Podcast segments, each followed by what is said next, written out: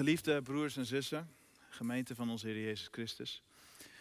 Uh, voordat we straks gaan lezen uit Filippenzen, het gedeelte wat vanavond centraal staat, wil ik jullie eerst even meenemen naar de, de stad Filippi en de mensen aan wie deze brief gericht is. Die eerste lezers. Om ook een beter beeld te krijgen van waar Paulus het over heeft. Ik heb wat slides meegenomen, omdat ik dacht, uh, we zijn nu in de avond. Uh, met de Happy View. Uh, we kunnen wel iets meer de diepte in. Dus uh, even wat achtergrondinformatie over, uh, over deze stad en de mensen. Nou, de stad Filippi, die is vernoemd naar haar stichter. Philippus, of sorry, Philip. Philip II uit Macedonië. Hij leefde rond de vierde eeuw voor Christus zoals in de tijd van de Griekse overheersing. En het was de vader van niemand minder dan Alexander de Grote. Dus dat, nou, dat was een van de grote, grote helden en grote figuren uit de tijd, uit de oudheid, de tijd voor de Romeinen. Nou, hij bouwde Filippi in het antieke Macedonië. En hier kun je zien waar het ongeveer ligt. Dit is Egypte, of Griekenland. Oké, het is laat. Dit is Griekenland. En jullie zien, dat is in het noorden, noordoosten. En dat heette vroeger Macedonië, dat gebied. Um, en in de tijd van de Romeinse overheersing, die kwam dus na de Griekse overheersing, herbouwde keizer Augustus deze stad um, en herstelde die in ere. En dat was niet zomaar in ere herstellen, nee, Filippi kreeg de status van Ius Italicum. De stad, een stad op Italiaanse bodem, buiten Italië zoals jullie begrijpen. En Filippi was op dat moment, zoals heel Italië, vrijgesteld van belasting. Nou, daar kon je trots op zijn. Een soort ja, Monaco-achtig iets. En je hebt meer van dat soort eh, streken in de huidige wereld. Um, maar dat was dus iets waar die uh, mensen uit Filippi trots op waren. Dat was dus augustus. Dan gaan we 100 jaar later, um, na die herbouw. En dan komt Paulus in beeld. Paulus is op dat moment uh, bezig met zijn tweede zendingsreis uh, door uh, Europa. En hij krijgt dan een visioen van een man, een Macedoniër, die zegt: Kom over en help. Dat is een gevleugelde uitspraak van volgens mij ook zendingsorganisaties die dat wel eens gebruiken. Um, en dan zie je, dan maakt Paulus een, een, bootreis van Troas, vlakbij Troje, paard van Troje. kennen jullie ook wel ligt daar ongeveer, naar Filippi met de boot. Nou, Paulus en zijn uh, uh, medereizigers, want hij heeft dan Timotheus bij zich en Silas in ieder geval, die, die belanden dan in Filippi. En hun bezoek is kort maar krachtig. Eerst is het Lydia, een stoffenverkoopster, die tot geloof komt. En daarna een jonge slavin, die voorspellende gaven had. Um, en die zich dan ook beide laten dopen. Nou, dat brengt voor een hoop, uh, brengt een hoop opschudding teweeg. Want uh, de eigenaren van die uh, vrouw die voorspellende gaven heeft, die, ja, die worden boos. En Paulus en Silas die belanden in de gevangenis. En dat is ook die plek, dat beschrijven de meeste kinderbijbels ook wel, dat is de plek waar ze dan gaan bidden en zingen. En de aarde beeft, de gevangenisdeuren open vliegen en uh, ze vrij zijn. Nou, de gevangenisbewaarder die wil er dan een eind maken, uh, aanmaken aan zichzelf, omdat hij bang is dat iedereen uh, vlucht. Maar Paulus houdt hem tegen en zegt: Nee, we zijn hier allemaal nog, wees gerust. En ook die gevangenisbewaarder en zijn hele gezin laten zich dopen en komen tot geloof. Nou, in het huis van Lydia, daar, daar wordt eigenlijk die reis afgesloten.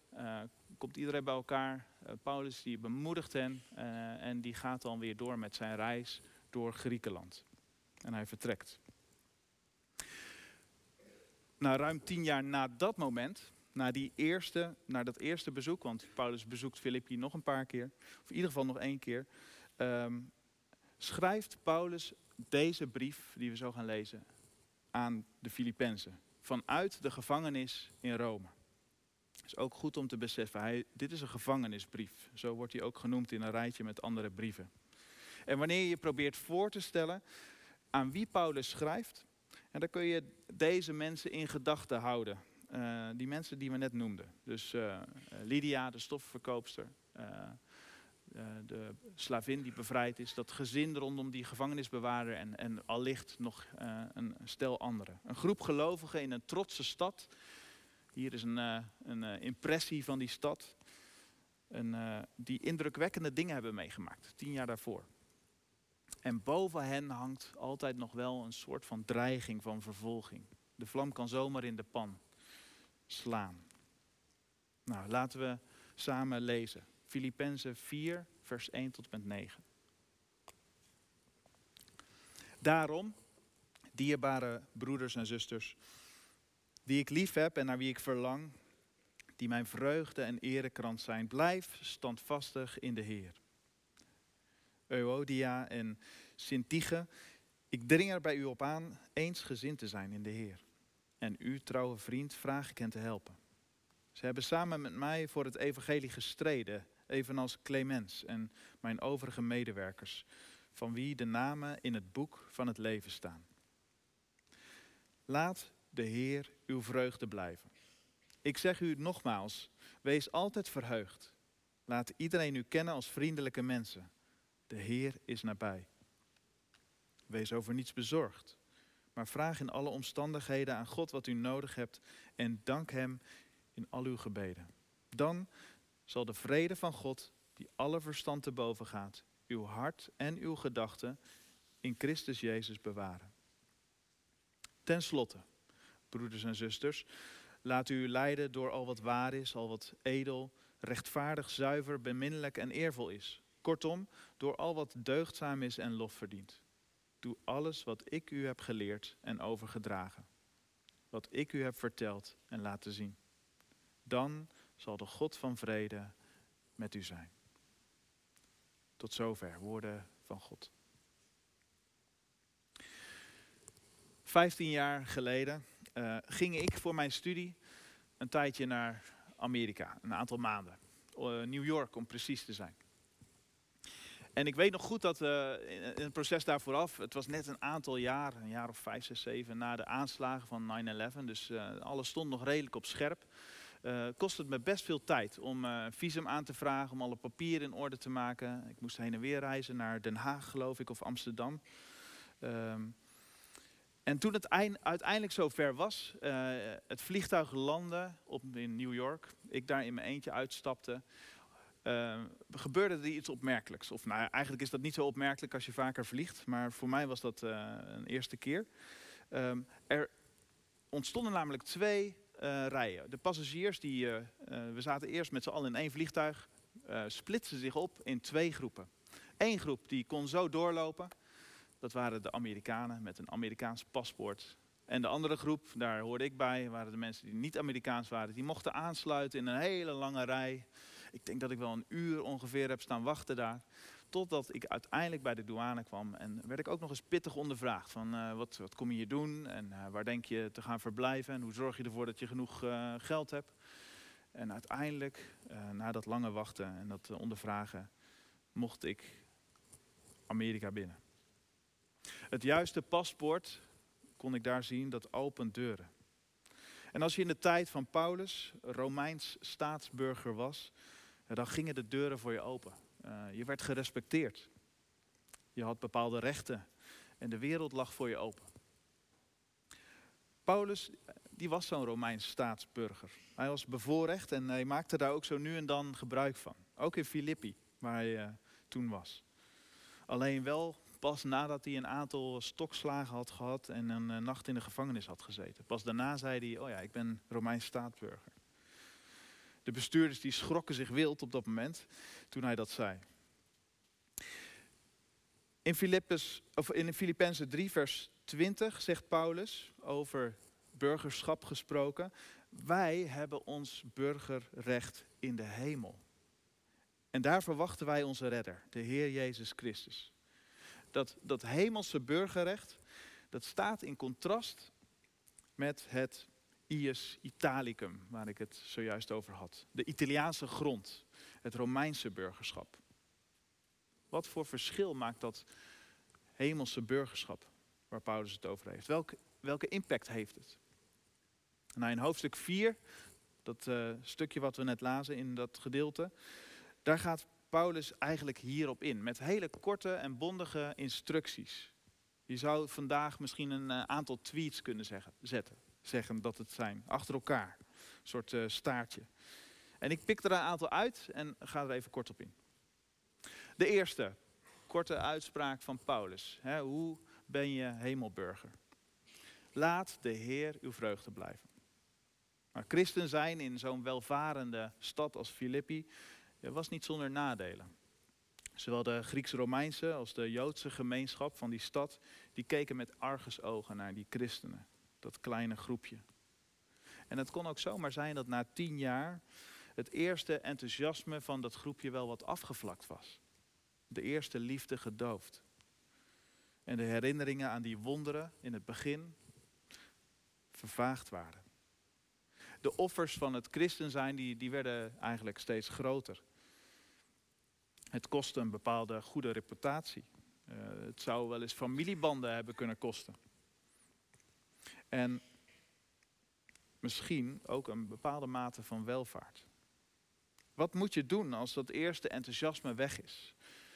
Als de sleur intreden doet of er moeilijke tijden aanbreken in ons leven. Hoe ga je daarmee om? Paulus zegt, laat de Heer uw vreugde blijven. Ik zeg het u nogmaals, wees altijd verheugd. Woorden als vreugde en verheugd zijn, die komen in dit hele kleine briefje van vier hoofdstukken 16 keer voor. Voor Paulus was het dus big deal, dit begrip. Hier lag voor hem een kern, kern van het geloof verborgen. Het centrum van de boodschap die hij wilde brengen aan deze kleine gemeenschap. Maar eh, misschien zul je denken van, ja, hoe dan? Hoe kan je nou op commando blij zijn, verheugd zijn? Dat is toch nep? Nou, in de film Barbie, voor wie hem heeft gezien, is een fascinerende scène als het hierom gaat. Barbie organiseert een, een groot feest. En uh, iedereen die is uitgenodigd, alle Kens en Barbies, of hoe je dat ook uh, goed kan zeggen. En uh, iedereen danst op een, op een perfecte manier. Allemaal op elkaar afgestemd. Barbie krijgt alleen maar complimenten over hoe geweldig ze eruit ziet. Alles ziet er perfect uit, alles roze en natuurlijk, glitters. Mooie muziek. En dit moment is volmaakt. Net zoals gisteren en eergisteren zeggen ze allemaal tegen elkaar in koor. En dan zegt Barbie opeens, midden in de euforie, out of the blue. Denken jullie wel eens aan doodgaan? Dan stopt de muziek. Iedereen staat stil en, en kijkt met haar, naar haar met een, blik vol afgrijzen. Wat zeg je nou? Vlug maakt Barbie er zoiets van uh, als... Denken jullie eens aan doodgaan van het lachen? Dat is even mijn vrije vertaling. En iedereen kijkt weer blij en uh, de muziek start weer en iedereen danst weer verder. Een plastic glimlach zou je kunnen zeggen, op commando. Nep, oppervlakkig. Een glimlach waarachter iets verstopt zit. Een vreugde die ja, pijn verstopt, die het lijden glad strijkt. Nou, dat is niet waar Paulus het over heeft als die zegt, wees verheugd in de Heer. Nee, het is niet een vreugde die, die opgewekt moet worden door alleen maar aan positieve dingen te denken. Wanneer de discipelen, even een eindje terug, wanneer de discipelen na hun eerste zendingsreis onder de hoede van Jezus terugkomen bij hem en uh, zeggen van we hebben fantastische dingen meegemaakt, wonderen gezien, er zijn uh, demonen uitgedreven, dan zegt Jezus, wees blij omdat jullie namen opgetekend staan in de hemel. We zijn geneigd om, om vreugde te putten uit dingen die we, die we zien, die we ervaren in ons dagelijks leven. Zoals een avondje uit, verjaardag, vakantie of een geestelijke ervaring, zoals die discipelen dat meemaakten. De kleine en grote dagelijkse zegeningen, eh, die maken ons blij. En, terecht, tuurlijk. Er komen echter tijden, en de christenen in de Filippi maken dat wellicht door, en daarom drukt Paulus daar zo op, dat die omstandigheden veranderen. Dat de sleur erin komt. Dat er tegenslagen komen. Dat de offers van het christen zijn zwaarder worden misschien dan de, de zegeningen die je kan tellen. Dan is het zo van belang dat je je vreugde niet alleen vindt in de gift, in datgene wat je krijgt, wat je ontvangt. Maar dat je je vreugde vindt in de gever. Dat je je vreugde vindt in dat jouw naam, dat jij zelf bij God bekend bent. Alleen dan kun je die vreugde bewaren. En daarom doet Paulus deze oproep. Laat de Heer uw vreugde blijven. De tweede instructie van Paulus is: wees over niets bezorgd. Nou, deze heeft Paulus waarschijnlijk overgenomen van Jezus. Want Jezus noemt dit precies zo in de bergreden. En het kan heel goed zijn dat hij en ook de mensen in Filippi ook delen van die bergreden kenden. Die uh, zijn dan overgedragen aan hen. Jezus zegt dat, dat bezorgdheid iets is dat past bij mensen die niet geloven in een hemelse vader die voor hen zorgt. Vogels en planten, die, ja, die leven onbezorgd. Want zij leven vanuit een vertrouwen dat er een God is die hen voedt, die hen kleedt. Zo beschrijft Jezus dat. Waarom zouden dan mensen die veel meer waard zijn dan vogels en planten zich dan zorgen maken? Een leven als, als hemelburger met het juiste paspoort betekent dat je je geen zorgen hoeft te maken. Over niets? Nee, nee, over niets. Dat is toch onmogelijk? Ja, ja, dat is zo goed als onmogelijk. Maar Paulus wijst ons een weg in de richting die we moeten gaan. Onze eindbestemming, ons eindelijke thuis, dat is het zijn bij God, in zijn aanwezigheid. Stel, je, gaat, je zou naar Brazilië emigreren. En je bereidt je erop voor. En je, je weet, ik ga daar voor de rest van mijn leven blijven wonen. Nou, wat ga je dan doen? Dan ga je die taal leren. Je gaat proberen om de taal en de cultuur nu alvast te leren, zodat als je daar eenmaal bent, dat je je daar meer thuis zult voelen. En je haalt eigenlijk al een stukje van, van Brazilië, van die plek waar je dan gaat wonen, haal je al naar je toe. Door de taal te proeven, door te oefenen. En hoe sneller je dat leert, hoe dichter bij die eindbestemming dat land al is. En hoe sneller je je zal thuis voelen. Nou, zo is het ook een beetje met zorgen. In Gods aanwezigheid, in wat de Bijbel ook wel de hemel noemt, ehm, leef je zonder zorgen. In alles is voorzien, omdat God in alles voorziet. Je geen zorgen maken is alvast de taal en de cultuur je eigen maken van het leven in Gods aanwezigheid als hemelburger. Het brengt die eindbestemming dichterbij.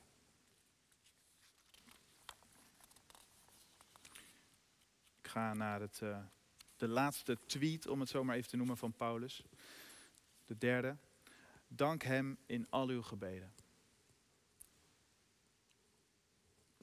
Zoals gezegd, het is vandaag dus biddag. Biddag voor gewas en arbeid. Of dankdag voor gewas en arbeid. Ik ga ze altijd door elkaar.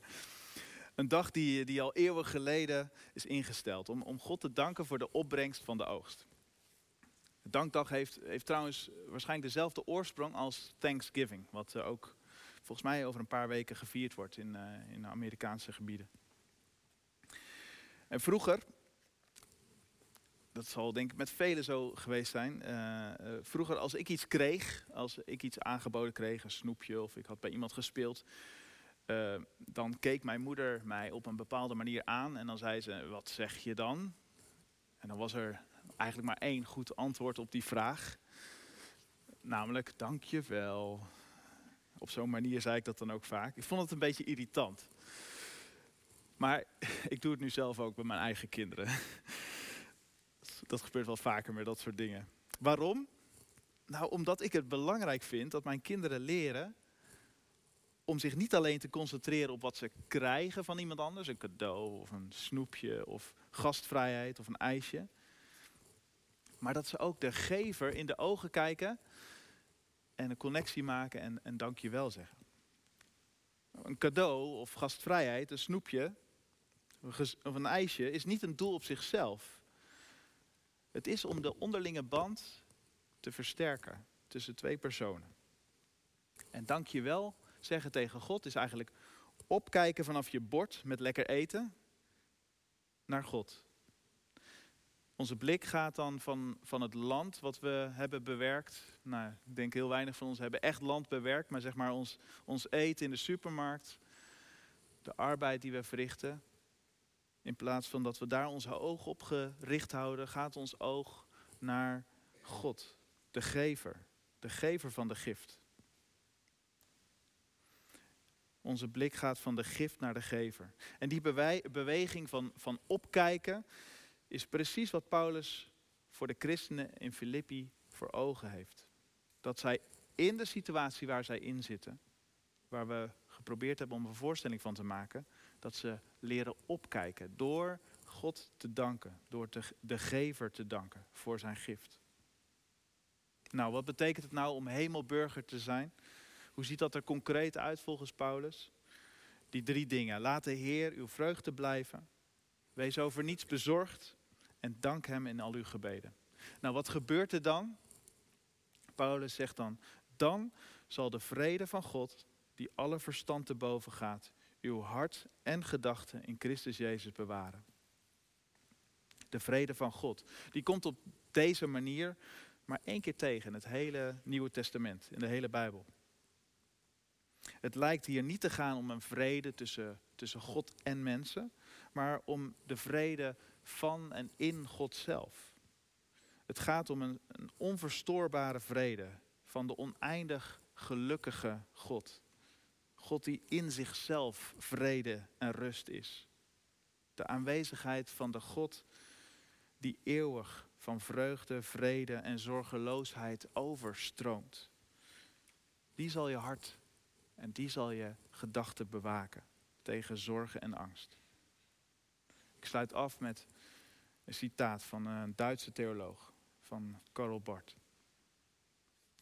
Wanneer we beginnen met het prijzen van God voor het feit dat Hij in deze situatie, zoals die nu is, almachtig is, betekent dat het einde van angst.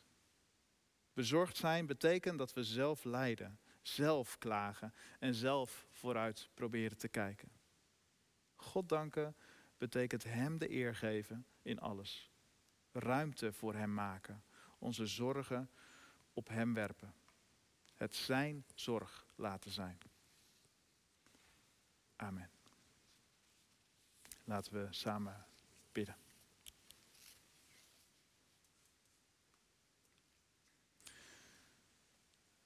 Vader van de schepping, u die alles maakte, u de gever van alle gaven, de gever van onze adem, van onze gezondheid, van al het eten wat op ons land groeit, van de dingen die we gekregen hebben, zoals een huis, een auto, allerlei dingen die u geeft, waar u de gever van bent. We danken u. En van af die dingen die u ons geeft, willen we opkijken naar u, leren opkijken u leren danken voor wat u geeft. Wie bent u dat u zulke goede dingen aan ons geeft? Wie bent u dat u de bladeren zo mooi laat kleuren in deze tijd? Wie bent u dat u de zon laat schijnen op ons gezicht? Dat u het laat regenen op gezette tijden? Dat u zorgt voor uw schepping, voor ons? We willen u leren kennen. En we danken u dat we dat u ons daartoe uitnodigt. Dat u ons uitnodigt om in uw aanwezigheid te leren leven. Als hemelburgers te leren leven. En dat kan en dat houdt stand in wat voor omstandigheden dan ook. Of het nu goed gaat, of we nu uw zegen ervaren, of dat we in mindere tijden zijn. Heer, dat geldt voor ons hier en dat geldt voor al uw broers en zussen wereldwijd die nou, in gebieden waar, het, uh, waar vervolging is, ons daarin voorgaan. En dat voorleven, dat dat kan. In uw aanwezigheid vreugdevol leven. Uit de kracht van het geloof, van het vertrouwen in u. En van uw vrede en rust die ons bewaakt, onze hart en gedachten. Heer, daar danken we u voor. In Jezus' naam. Amen. Voor de mensen thuis. Uh, sluiten we hier de dienst af en wil ik u en jou de zegen meegeven. Mogen de vrede van God, die alle verstand te boven gaat, uw hart en gedachten in Christus Jezus bewaren. Amen.